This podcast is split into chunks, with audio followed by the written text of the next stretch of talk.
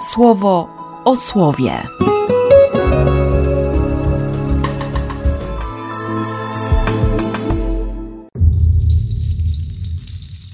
30 kwietnia, piątek.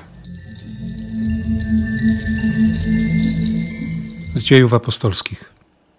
Po odpłynięciu z Pafos grupa Pawłowa przybyła do Pergę w Pamfilii. Jan jednak odłączył się od nich i wrócił do Jerozolimy.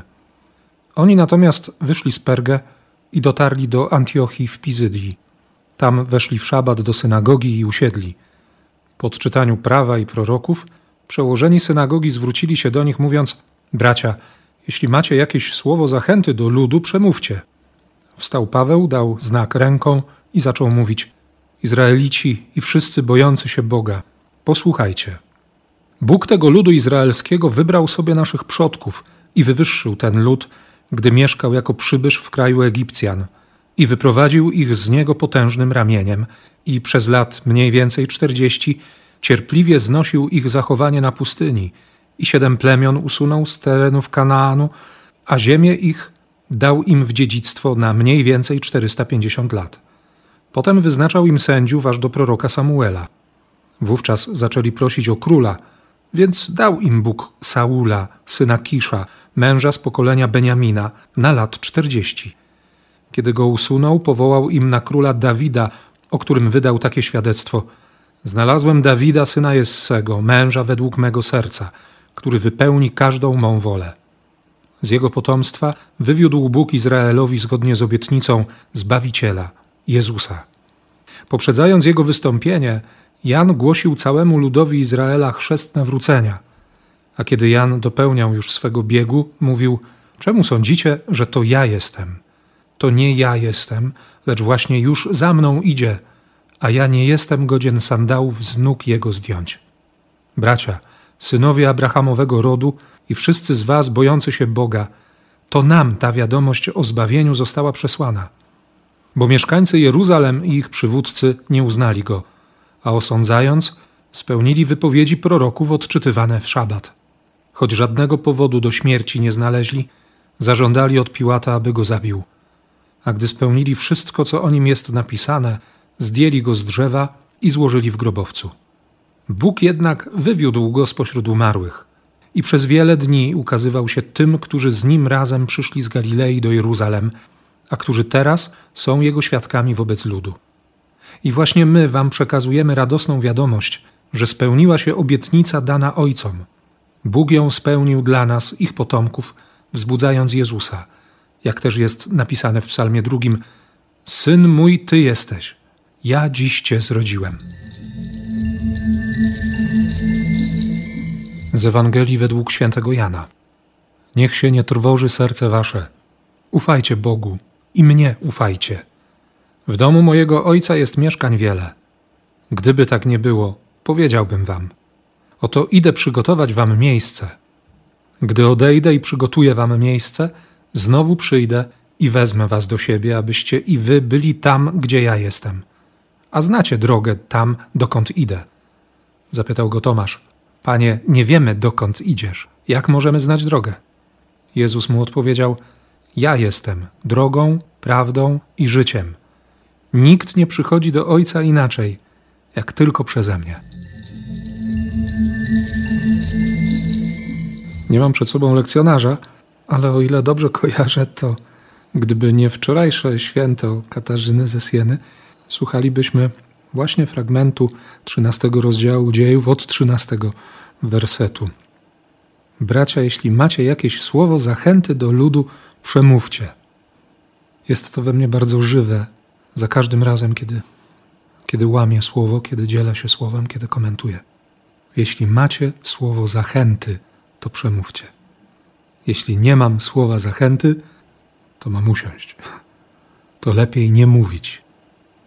Nawet jeśli słowo jest trudne, nawet jeśli ono obnaża jakąś rzeczywistość, z którą nie jest łatwo się skonfrontować, to każde ze słów Bożych jednak daje szansę, daje możliwość, by zachęcić do wiary. Paweł właśnie to robi. Nie?